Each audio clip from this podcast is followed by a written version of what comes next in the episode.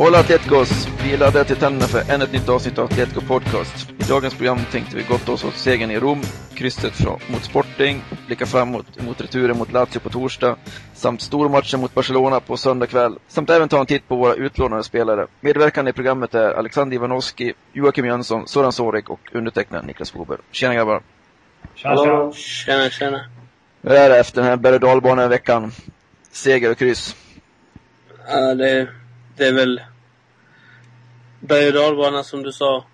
Bra känslor blandat med lite frustration efter att efter alla lägena i Sportingmatchen som man inte sätter att, att det bara blir 1-1. Speciellt när det var en så pass viktig match också när, eh, när lagen runt om, bland annat då Levante förlorade med 1-3 där eh, för övrigt Diego eh, Costa gjorde två mål.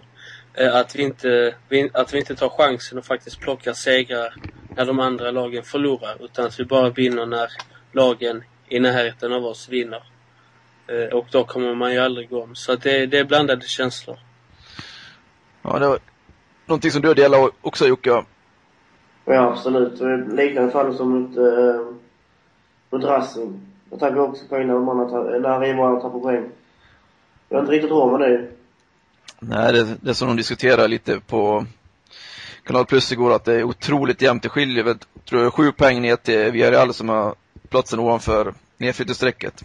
Ja. Det visar hur otroligt jämnt det är från Atleticos position då som sjätte lag. Rayo vann ju med 5-2 mot Levante, men det är en parentes i sammanhanget. Men... 5-3. 5-3 till och med, ja. Det var två straffar för Levante där i Oj då. matchen. Eh, vad tänk, tänkte du säga om sporten, sådan? Ja, det är väl att uh, Atletico inte... Alltså Falcao, vi står lite och faller med Falcao i de här matcherna. Uh, har Falcao, han hade sju skott, sju, sju skott mot Sporting och lyckades ändå inte få in bollen bakom uh, Juan Pablo. Återigen en målvakt som uh, storspelar mot Atletico. Uh, veckan innan var det Tonio, nu, nu Juan Pablo. Uh, Falcao har alltså haft 17 skott i de tre senaste ligamatcherna och alltjämt inte lyckats göra mål.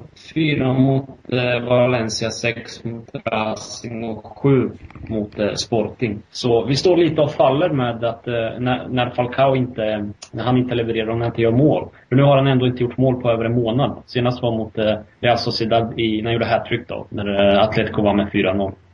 Ja, det känns liksom Jag som... säga, Känns, det känns som målen kommer liksom i klump när Falcao gör mål. Det var ju lika mot Lazio också, då var det också två mål men Detsamma mot eh, Racing också. Racing och Sporting tidigare under säsongen. ja. När, när gjorde de där målen? Men jag har också Det, skrivit, jag har skrivit upp den där punkten också i som vårt eh, körschema att eh, det är liksom inga andra som stiger fram. Framförallt inga mittfältare som stiger fram och gör mål när, när det klickar för våra två anfallare. Vad tänkte du säga Jocke? Nej, det var lite inne på det spåret. att Adrian var ju inte alls heller så bra igår som man kan vara. Då, det är som så här, vi står lite och faller med Falcao. Får inte han hjälp av Adrian som inte var alls bra igår så... Det har vi faktiskt inte mycket till anfallsspel om vi ska vara helt ärliga. Ändå skapar vi men det är liksom Gör inte våra anfallare mål så då är, det, då är det ingen annan som kliver fram heller. Godin, den missen är ju nästan obegriplig. Han missar liksom från en och en halv meter och nickar över. Fast han får ändå bollen lite högt där. Ja. eh, När, han, när han kommer fram. Han tajmar den lite fel tror jag med, med själva sättet som han springer fram. Eh, riktigt bra hörna av Diego men... eh, Alexander på att förstöra tangentbordet här, jag vet inte vad han... är, är det kylskåpet igen? Nej då. Det var inte jag. det, det, det händer alltid när jag snackar också. Ja, det får vi bjuda på. Ja, precis. Eh, vad var vi inne på? Vi var inne på att ingen stiger fram, men eh, Gabi hade ju vasst avslut, men det är ju det är som typiskt att de avsluten går utanför också, inte på mål. Mario hade också läge slutet, men då skjuter han över. Så det liksom gäller att träffa målet också. Diego hade en jättechans också där innan, innan eh, första halvlek tog slut. Ja. När han eh, sköt rakt, rakt i magen, eller i bröstet, eller vad det var, på Juan Pablo. Så Varför det är inte bara... inte spela in till Falcao då? ja, det... Ja, det är, jag kan ju förstå att han skjuter, men... Uh... Ja, det är klart, men nu är det lite efterklokt, men... Det här var ett mål man spelat i sidlinjen. Ja, det var ju lika när Falcao nickade i början av matchen och Godin var helt ren bredvid honom också. Men vart en kraftlös nick på mål istället för nickande sidled och Godin har liksom kunnat raka in en öppet kasse. Men, ja. Eller Falcaos miss där i början av matchen. Han kommer helt ensam med Juan Pablo. Ja, det också. Ja, så det, alltså, det, det liksom... handlar inte om att Atletico inte spelar bra. Det handlar, det handlar om att laget inte kan eh, avsluta sina chanser och det, det är synd, men uh, vi spelar i alla fall bra just nu. Ja, det kan vi ja, alltså det, skriva under på. Vad tänkte du säga Alexander? Det, det jag också tyckte avgjorde matchen, jag ska inte klaga på hit och dit, men eh, det var ju också misstänkt handsituation när, eh, när Sporting gjorde mål.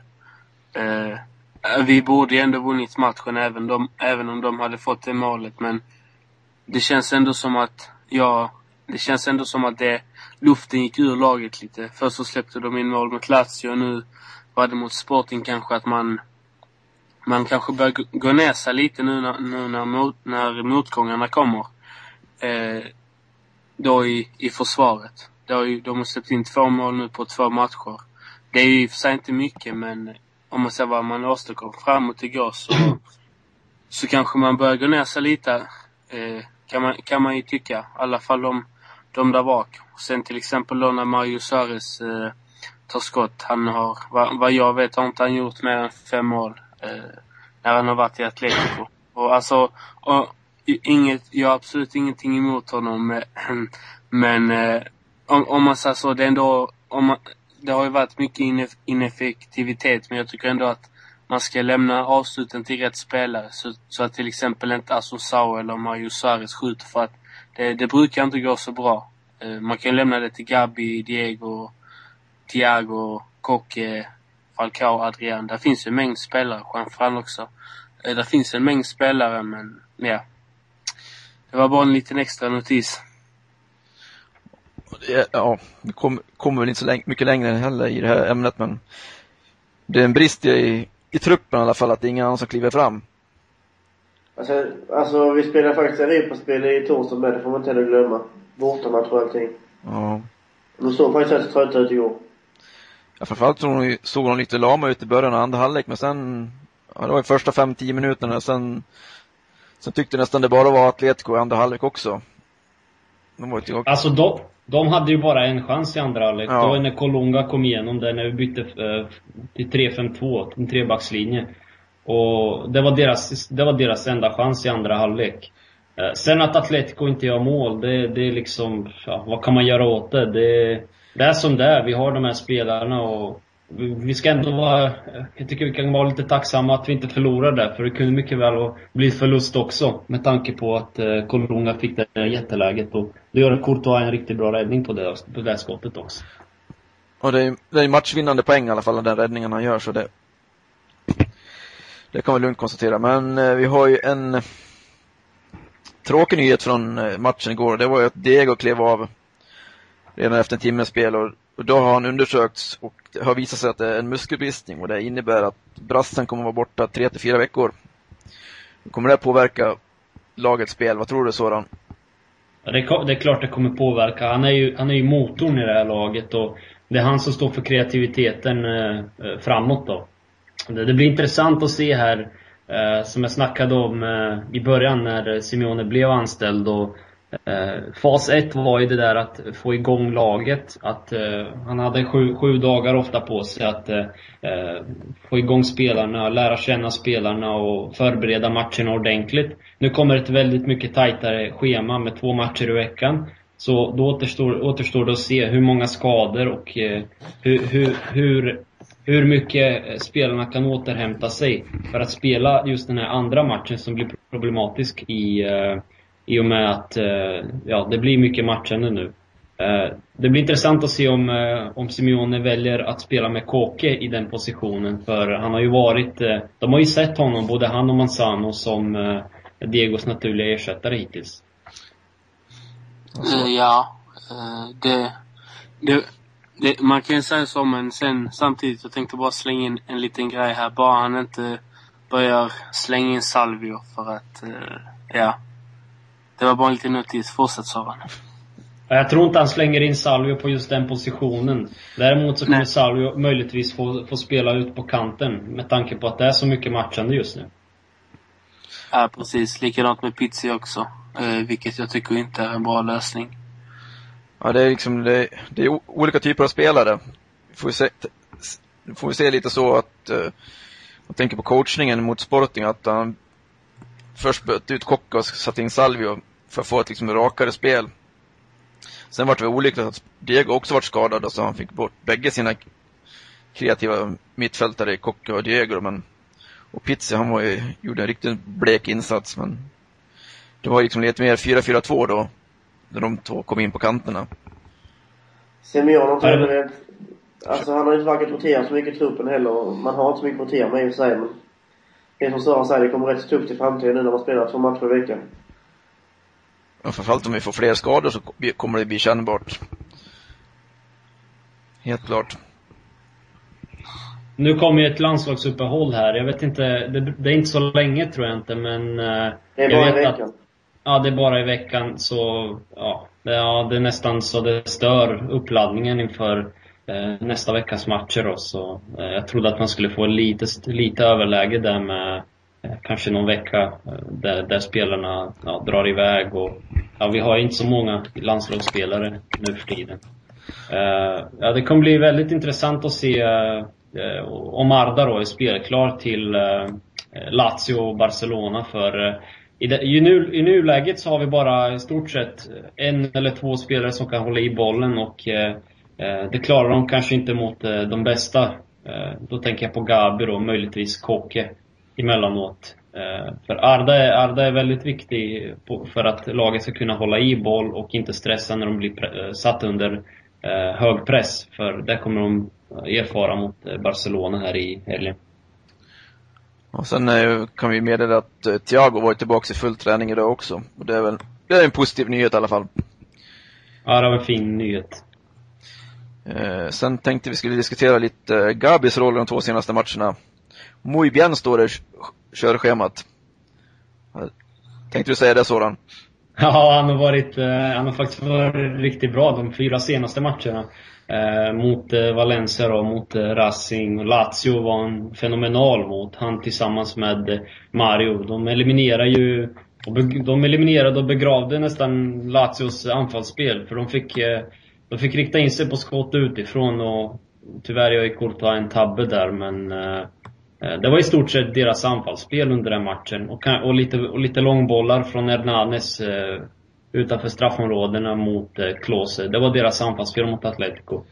Eh, det kommer bli intressant att se här eh, hur, hur han eh, tar på sig den här rollen när, eh, eh nu när eh, Diego går skadad och när laget verkligen behöver en ledare på mittfältet. För under de här fyra senaste matcherna så har han varit riktigt bra. Och det är inte bara det att han vinner boll, utan han deltar väldigt mycket i anfallsspelet. Eh, han slår avgörande passningar, han skjuter på mål. Eh, visst, han är inte den snabbaste spelaren, men eh, jag tycker att han har tagit på sig den här ledarrollen sen han tog över då. Sen han fick lagkaptensbindeln. Och nu kommer ju Thiago tillbaka också, så det är väl något, det är väl en positiv nyhet åtminstone framförallt hur han värderar situationen och Gabi, han vet när han ska gå fram och när han ska eh, alltså styra motståndarna, han styr tempot och lite skillnad. Han trivs rätt bra under Simeone när han får ligga lite längre bak sen pusha framåt istället för att styra spelet som han gjorde med Mazan. Och så, och så framförallt så vänder han på spelet och det är inte många spelare som gör det i Atletico. Ja, det med Thiago i princip. Ja, det kan man väl säga då. Men eh, det, det, är inte så många spelare som kan, som kan det här med att vända spelet för att förflytta motståndarna från sida till sida. Eh, det är en viktig detalj i hans spel tycker jag. Och vi kan väl fortsätta diskussionen om eh, Lazio nu när vi när vi är inne på att snacka om Gabi. Han var ju riktigt bra på Olympico där. Atletico vann med 3-1 efter två mål av Falcao och ett av Adrian. Tänkte du säga den matchen Jocke? Ja, det var en av våra bästa under säsongens gång, absolut. Sen får man inte glömma att Lazio har en hel del nyckelspelare skadade uh, Alltså det får man inte glömma att ta med. För, trots att vi var jättebra så det hade varit samma matchbild om de hade haft sina bästa spelare med sig. Det tror jag inte. Nej, Men uh, ett bra utgångsläge och vi vände ett underläge. Det är inte allt för ofta. Nej, det var så, Men... det såg liksom ut som baklängesmålet, det var liksom lite turligt också att det, det liksom bekom inte spelarna utan de körde på enligt sin matchplan och sen körde de över Lazio mer eller mindre. Tänkte du säga sådan? Ja, alltså det Jocke nämnde där, det, det, är helt rätt. För det är faktiskt första gången som Atletico vänder ett 0-1 underläge till eh, seger den här säsongen. Det har inte skett tidigare den här säsongen. Vi har bara lyckats eh, få oavgjort mot Rennes där i slutminuterna, 1-1. Och så var det väl någon match, en match mot eh, Mallorca efter att eh, Silvio fick den där straffen emot sig, som inte var straff egentligen. Eh, så det, det, är en bra, det är en bra grej som man nämnde där att eh, laget lyckas vända till 3-1-seger. För det var verkligen tur det där målet som, som Klose gjorde. Det, det är liksom, det är Courtois fel och det är inget, det är inget sticka under stol Så är det bara. Men vad hände med Lazio i helgen då? Vad säger du sådan? Palermo, 5-1. Alltså, ja, ja, men de imploderade. Det ska sägas att Palermo, det är riktigt bra hemmalag. Men eh, precis som Atletico Madrid eh, innan då Simeone kom så, så är de bedrövliga på bortaplan. Och de har inte vunnit en enda match. Och de är, jag tror de är eh, ett av sju eller åtta lag i Europa som inte har vunnit på bortaplan den här säsongen. Eh, sen att Lazio går och förlorar med 5-1, det det kan väl stavas skador också för de har mängder, mängder med skador. Och nu ändrade ju Edireya ett, eh, eh, deras normala spelsystem 4-2-3-1 till eh, ett 3-5-2 system där André Diaz då var tillbaka i backlinjen, var helt bedrövlig och fick, en, fick till och med, blev, blev till och med utvisad. Ledesma spelade tillsammans med Diaz och Zauri och Ledesma vet vi att det, det är ju en kreativ mittfältare. Det är ingen som ska, som ska ja, spela i backlinjen. Eh, nu har jag läst här att de, eh, de har ju tränat där med samma eh, spelsystem. 3-5-2 och eh, förväntas starta med Marchetti i mål, eh, Zauri, eh, Ledesma, Diaz eh, i försvaret och trebackslinjen. Gonzales på ena kanten, Hernanes, Matusalem i mitten tillsammans med Kandreva och så Garido som har han var katastrofal mot eh, Genoa när de förlorade med 3-2. Och så Alfaro då som, eh, som, som var duktig visserligen mot Palermo här i helgen. Men som eh, missade i varenda läge som han fick. Han fick ändå ganska många lägen. Jag tror det var fyra eller något, något liknande. Och så Klose då som blev utbytt i halvtid. Så det kan bli så att André Diaz också petas eh, till, till förmån för Scaloni om han inte är 100%. För i helgen så var han sannerligen inte 100%. Nej, det kan, kan man inte vara om man släpper in fem mål eller? Nej, men han var bedrövlig alltså. Starkt bidragande det... orsak. Vad, tänkte, vad, vad, säger du om matchen mot Lazio, Alexander? Eh, först och främst så, så tyckte jag det var den bästa på hela säsongen. Jag tror inte det finns någon annan där. Där vi bara går in och kör vårt eget spel utan det har alltid blivit att om vi får, om vi känner att vi är underlägsna eller om vi får ett mål eh, insläpp då så har det alltid känts som att vi alltid ligger i underläge, vilket man då gör. Och det, det, känns som att laget har, har kommit ner, men nu bara körde man på hela tiden och verkligen trodde på sitt spel och, och utnyttjade både anfallarna rätt. Eh, sen som Soran sa också så hade ju Lazio väldigt mycket skador i försvarsspelet och de emellanåt så såg det ut som en hönsgård rent utav när de rensar på varandra och, och massa sådana här grejer missar, markeringsmissar och, och hela köret. Så att jag tror att det var inte... Man kan, man kan se det från båda hållen men så, så, så som jag ser det, det var att vi gjorde ju absolut inte en dålig match. Vi gjorde en väldigt bra match men eh, jag tror att den blev så pass bra för att Lazio inte hade eh, inte hade sitt eh, sitt ordinarie lag här som, eh, som, ni, som ni då sa innan att det hade varit en helt annan matchbild om, om de hade haft sin, sin ordinarie startelva. Men matchen i sig tyckte jag var, den var väldigt trevlig. Eh, och eh, ja, jag tyckte, tyckte att vi, vi spelade på som vi ska och de, de hade inte mycket att säga till om förutom när Courtois gjorde den där tavlan. Men eh, ja, det är bara positiva känslor. Jag tror fortsätter man spela så mot eh, fortsätter man att spela så mot de, de bästa lagen, eh, kanske inte mot Barcelona då, inte lika offensivt, men om man fortsätter spela alla fall lika aggressivt och håller sig lite längre ner i banan mot Barcelona så tror jag nog att det ska gå hem. Ja, vi, vi hoppar Barcelona än så länge. Vi fokuserar fortsatt på Lazio då. Vad säger du Jocke? Har du någonting att tillägga om Lazio-matchen? Ja, det ska bli intressant att se om Simone vilar lite spelare då. I och med att vi har så bra utgångsläge. Uh, tror egentligen inte det, men jag hoppas. De behöver vila om de ska klara Barca på söndag. Ja, det finns ju... Mario är väl avstängd va? På, till på söndag. Ja, han är avstängd på torsdag nu. Han är avstängd på torsdag också? Ja. Ja, då har vi... Kommer inte han att spela någonting i alla fall. Men kanske man tar in Asenjo och Silvio får starta för första gången på länge. Dominguez behöver det. Uh, Adam är frisk. Thiago. Salvio och Pizzi. Kanske till och med Pedro. Ja, det är möjligt. Plockar man honom också. Hade du något mer angående torsdagens match från förra veckan, Soran? 3-1 vinsten.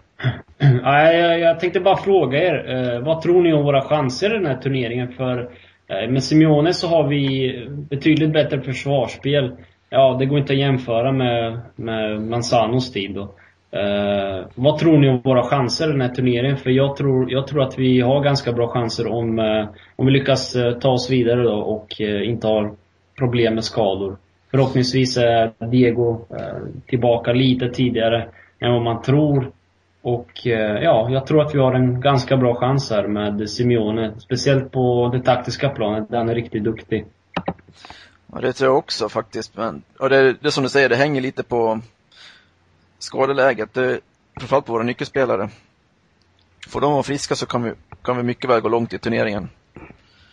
Jag tycker det handlar lite om vårt offensiva spel med att det kan utvecklas och fortsätta utvecklas. Vi behöver lite mer Variation. fart och fläkt. Ja, variation precis. För att kunna leva hela vägen. Eh, en reflektion från matchen på Olympico, det var att, att Lazio verkar liksom lite tagna på, på sängen av Atleticos spel med den här höga pressen. Ja, det, det håller jag definitivt med om. För eh, våran centrallinje var helt fantastisk i den matchen. Och det visar sig i statistiken också när Gabi och Mario vinner 13 bollar var och Godino hela 16 bollvinster och Miranda 11. Tillsammans har de alltså 53 bollvinster. Och nu i helgen så hade Atletico 74 tror jag mot eh, Sporting. Så det visar ju verkligen hur bra Atleticos centrala linje var. Och, eh, den här pressen som de satte in, det klarar inte Lazios spelare och det ska väl sägas Lazios reserver eh, mestadels. Ja. ja, men det var skönt att se i alla fall att att fortsätta rulla boll även fast de ledde med 3-1. De backade liksom inte hem heller utan Lazio lyckades ju inte skapa någonting heller fast de liksom hamnade i underläget. De såg liksom nästan paralyserade ut. Ja, de, de försökte bara skjuta på distans och det, det var deras, eh, ja, det var deras vapen. Det var deras försök, så att säga. Det kom de inte speciellt långt på. Eh, vi har ju varit inne och berört på returen här och vi funderar lite på hur hur Simeone tänker där, om man tänker rotera någonting inför, med tanke på deras utgångsläget då. Lazio måste göra minst tre mål. 3-1 för att få förlängning och de måste vinna med 3-0 för att gå vidare. Eller 4-1. Man måste vinna med tre mål helt enkelt. Ja. Så det är, det är riktigt skönt läge att ha i, med sig in till matchen i alla fall. Eh, avsparken, avsparken är ju 21.05 då på torsdag. Och den sänds i Kanal Plus Fotboll i direktsändning då. Vad tänkte du säga Jocke? Uh, nej, jag var inne på det lite innan. Jag hoppas att han roterar lite och vilar uh, en del nyckelspelare, för de behöver som sagt vila. Dessutom så, det kommer vara två matcher alltså, i veckan framöver nu också. Så. Ja, det känns som Gabi skulle behöva vila. Tänkte... Falcao, Adrian. Ja, inte bägge, men en av dem kanske. Ja, hela Falcao. Falk ja, det känns som Falcao skulle behöva vila. Vi får se. Hur Simeone funderar i det här läget. Jag tror att han kommer använda sig av, eh, ja, i stort sett den starkaste elvan till en början och sen kommer han eh, gradvis börja plocka ut spelare som han gjorde i Rom då. Eh, Kanske att han sätter Silvio där så att han får, så att han äntligen får eh, göra sin debut under Simeone för hittills har han inte spelat en enda minut. Under Nej. honom då, så. Det beror väl på att en spelare har glänst också. Ja, han belönar ju sina spelare Ja. genom att, eh, ja, gör de en bra match, eh, gör de en bra match så fortsätter du i elvan, så är det bara med Simeone. Precis som eh, Miranda och Dominguez. Eller Miranda och Godinho. Ja. Ja, Juan- Fran har ju varit klockren som högerback. Det är liksom, han imponerar match efter match här och han var sällan illa ute mot Sporting heller utan han hade koll på läget stort sett hela matchen. Framförallt har han utvecklat sin defensiv otroligt mycket. Ja. Men en sån sak som bara liksom står rätt när backlinjen pressar uppåt och ska ställa offside, det är jag också med på. Det är liksom inte Perea att han liksom hamnar helt i fel position heller utan det är liksom en och en halv månad på högerbacken och han är liksom, är liksom nästan landslagsklass. Ja, nästan bättre än Silvio. Ja, det är, man, man känner ju inte att man saknar Silvio direkt i alla fall. Och det är positivt. Alltså jag, jag är faktiskt lite orolig nu när eh, Salvio ska komma tillbaka så det har ändå varit Silvio. stabilt med. Silvio. Silvio! Salvio, det är en högerytter! Nej, jag sa Silvio. Silvio. När han ska komma. Nej. Nej, vi, vi, har, vi har det inspelat. Du sa faktiskt Salvio du. Okej, men jag menar Silvio. Det är så lika. Nej, ni får ursäkta mig. Men eh, eh, alltså det känns, att, eh, det känns som att Juan Fran han har varit så pass bra så att jag vet inte, han, han har liksom, alltså Silvio han, han är väldigt duktig, han gör sitt jobb och så här, men det känns som att eller det, det, det kan vara mycket för att Juan Fran har gått ner från mittfältet också, att han har ändrat position, att han är så bra, men det känns ändå som att på något litet sätt att Juan Fran faktiskt är bättre än Silvio på, på backen. Ni får rätta mig om jag har fel. Han har haft en otroligt hög lägstanivå i alla fall, kan vi lugnt, lugnt konstatera. Det är ju, han är bättre som högerback än som högerytter i alla fall, tycker jag. Ja, det håller jag med om. Så jag tycker just att Silvio är en nivå högre upp än Juan Fran fortfarande. Ja, Silvio kanske är lite bättre försvarsmässigt, att han är mer aggressiv där, men Juan Fran är otroligt följsam. Han är snabb också fortfarande. Tänkte du säga sådan? Jag tänkte bara nämna att eh, nu när vi har Silvio så betyder det att han kan ersätta Felipe Luis på andra kanten. För han är ju lika bra på höger, högerkanten som han är på vänsterkanten. Eh, det vet vi mycket väl. Och om en spelare behöver lite vila så är det, så är det Felipe Luis. För han spelar konstant sedan... Eh, eh, ja, han spelar konstant eftersom Antonio Lopez helt enkelt inte är någon konkurrens. Nej, och Lo- Lopez har ju varit skadad på slutet också, så han har ju liksom blivit tvingad att spela.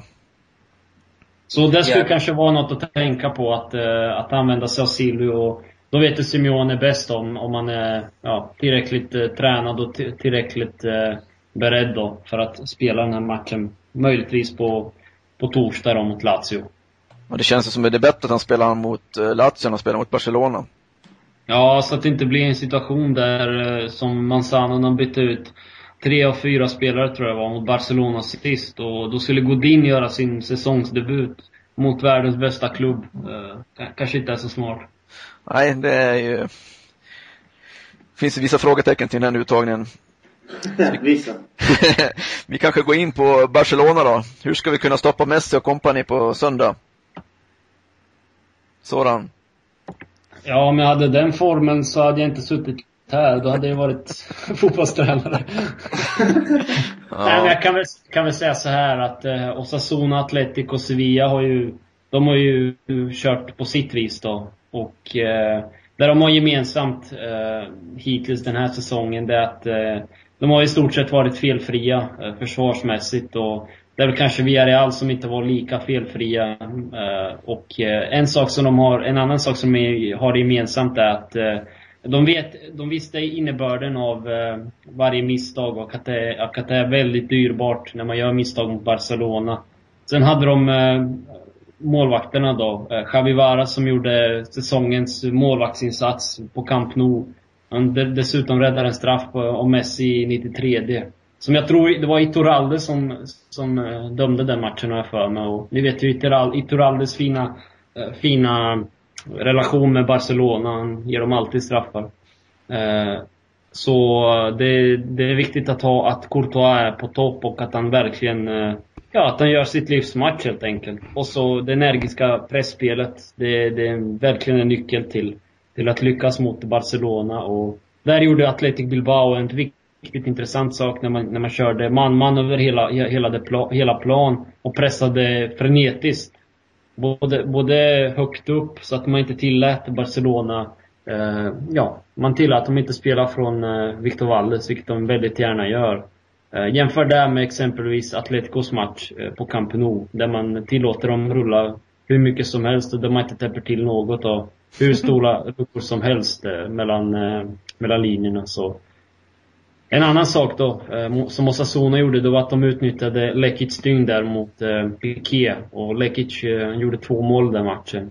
Så ja, vi, vi måste, de använde sig också av de här fast situationerna som var ganska farliga på så om vi ska sammanfatta det här så behövs det felfritt försvarsspel. En Courtois som gör en stor match, energiskt pressspel och veta vad man gör med bollen när man, eh, när man har vunnit den. Antingen, ja, förhoppningsvis går man rakt på mål istället för att man håller på och sjabblar med bollen för nu är, inte, nu är Diego skadad och eh, ja, det, det, kommer inte bli så mycket att vi håller i boll. Eh, därför är det väldigt intressant att se om Arda är, om man kommer tillbaka till den här matchen. Ja, vi såg ju Valencia misslyckades ju gruvligt på den punkten igår i alla fall. De slog ju bort bollen direkt så fort de, så fort de fick den. Liksom. Det var två sekunders bollinnehav, sen var det tillbaka, bollen tillbaka hos Barcelona. Framförallt att ta sig ur den första pressen är otroligt viktigt mot ett lag som Barcelona då, som pressar så högt och med många spelare på runt bollförande spelare så att säga. Ja, för de... Det är en annan sak att möta Barcelona på bortaplan som heter hemmaplan. Ja, i alla fall under den här eh, säsongen men Ja, precis. Jag har mina farhågor inför söndagsmatchen då, men... Ja, det är klart man har, men... Alltså det finns ändå rätt så mycket positivt med sig. Det kommer vara fullsatt, man kommer vara... Man är i relativt bra form. Ehm, så helt omöjligt är det inte.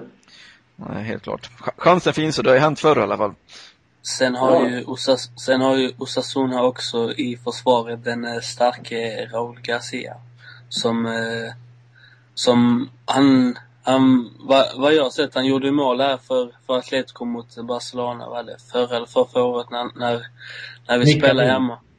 Va? Han nickade in den. ja, precis. När han nickade den på, ja, när han nickade in den på, eh, på Calderon när vi förlorade med 1-2, tror jag det var. När vi och Messi, tror jag det var, gjorde varsitt mål. Uh, och uh, han, hur ska jag förklara? Han är, han är en tung mittfältare som, som lätt kan ta bort Messi. Och, eh, men vi hade kanske behövt en Uifalusi. Nej. Nej, det tror jag inte. Nej, men jag tror liksom på vårda bollen, det, lär, det måste vi göra. Så vi inte går, gör samma misstag som, som Valencia gjorde senast, för det, då, blir det, då blir det slakt på Calderon och det vill vi inte vara med om. Och Valencia Nej. gjorde exakt samma sak mot eh, Barcelona i kuppen också, på bortaplan. Eh, de gav bort bollen, jag lovar att Victor Ruiz gav bort bollen typ två, tre gånger och Ram gjorde exakt samma sak. Så de kommer alltså anfalla våra, våra mittbackar och eh, det gäller, att, det gäller att det finns folk med vet du, när, när vi rensar och när, när vi får upp bollen mot Falcao. Så att han inte blir helt isolerad, för så var det verkligen när de möttes på Camp Nou. Så är det. Eh, lämnar Barcelona och sen tar vi en liten titt på våra utlånade spelare. Där yes. Diego Costa slår till igen, två gånger borta mot Levante. Fyra mål på tre matcher. Ja, det, det, Vad har hänt? Det, ja, men det är svårt att förstå att han, han är i så bra form, så bra fysisk form. Som han ändå är med tanke på att han har varit borta i, ja. sen i somras. Eh, vad var det? I augusti var det väl när han skadade sig. Det var väl då man skulle kapa bort en av de här icke-EU-spelarna och så går han sönder och så, så löser sig problemet för Skilmarin och grabbarna. Ja. Men eh, han var riktigt bra mot, eh, mot eh, Levante här i, i söndags och eh, bäst på plan tycker jag tillsammans med eh, Piti Armenteros eh, som ersatte Casado och eh, Lasto som gjorde två mål i den här matchen. Eh, första målet som eh, Diego Costa gjorde det var 2-1 målet och det var en period när, när de verkligen var pressade och när Levante, ja de startade andra halvlek riktigt, riktigt bra. Eh, de skulle egentligen gjort flera mål där, men eh, Joel gjorde några riktigt snygga, fina räddningar. Eh, som, som avgörande under den, under den perioden. Sen kan inte Joel rå för att Polido drar på sig, ja, två straffar drar Polido på sig i den här matchen. Och den första är utanför straffområdet och den andra Ja, den, den är nästan lik den där med Godin i derbyt när uh, han ramlar över en spelare. Uh, kan väl tyckas lite klumpigt men uh, väldigt olyckligt tycker jag båda gångerna. Och då gjorde ändå inte Polido en så jätte, jättedålig insats, insats som Itoralde gjorde. Här, ja, återigen Itoralde. Du ser att han, han hittar ju alltid någon, någon Atletico-spelare att straffa. Ja. Det är fantastiskt. Vi har ju tur att han går i pension nästa år, när han är 44. Tack och lov för det. Ja, tack och lov. Han har varit med alldeles för länge och förpestat våran tillvaro. Ja, han verkar fejka sin ålder med tanke på hur länge han har varit med. Ja. Nej men jag tror, eh, jag tror det är inte bara det att han kanske inte har så jättebra form, eh, Diego Costa, men han, som, eh, som Soran sa, han är ändå bra, bra fysiskt. Men jag tror också det är att han, han är lite som Raúl Garcia, att han, han presterar när, när han inte har någon press på sig. Eh, Raúl Garcia har ju själv gått ut och sagt att eh, han trivs med Rosasuna för att här, där har, har han en mer fri roll och kan följa med upp i anfallen och, och så här. Han har inte så mycket press att han måste göra det, utan han har, han har en mer fri roll. Eh, och eh, det har Diego Costa känner väl att han eh, att han han har väl ingen press där. Han är väl ändå den, om man säger den mest e- erfarna, den, en av de, han kanske anser sig vara en av de, de bättre anfallarna där. Att han, han, att han känner sig en av de bättre laget plus att han, han inte har någon press utan han bara, han bara latchar runt. Om man, om man säger så. Det, det är därför jag tror att han, han, han uh, spelar mycket bättre nu. Kungen av Vallecas. Precis. Eh, vad tänkte du säga Jocke? Har du någonting att kommentera om våra utlånade spelare? Nej, inte mer att det är kul att de får spela. Framförallt då på Diego Costa och ja, Joel Polino med. Det behöver de. De behöver all matchträning, eller match, matchning de kan få. Eh, jag kan väl säga... Raul Garcia ja. var väl avstängd han, så han spelar ju inte för Osasuna och eh, Ruben Miquel han spelar väl eventuellt ikväll för Zaragoza kör måndagskväll, måndagsmatch då. Yes, de spelar mot Betis. Eh, en grej bara om Diego Costa. Han gjorde första målet eh, genom en nick och det andra sköt han stolpe in med högerfoten. I närmaste stolpen. Eh. Det var snyggt avslut det. Ja, det var riktigt snyggt faktiskt och bra var... avslut. Det som Alex var, Alex var inne lite på att Raul Garcia och Diego Costa, att de inte har den bästa tekniken och det, det är sant. Däremot så är de tunga fysiska spelare som utnyttjar, ja, Diego Costa tycker jag utnyttjar utnyttjas perfekt i, i Rayo när han spelar med Mitro på topp. Så uh, hans tyngd och hans, uh, framförallt huvudspel och sättet som han håller upp bollen, det, det är imponerande mm. för en spelare som har varit borta så länge. Löper riktigt bra med. Mm. Han är som en liten grövre kopia av Adrian. Ja, betydligt större och tyngre i alla fall. ja. Inte lika målfarlig i Atletico. Ja, vi får se. Eh, vi tänkte avsluta med lite ett eh, transferrykte som eh, inte är för oss att gå i taket i alla fall. Och ren glädje. Eller vad säger du Soran om Torres versus Falcao?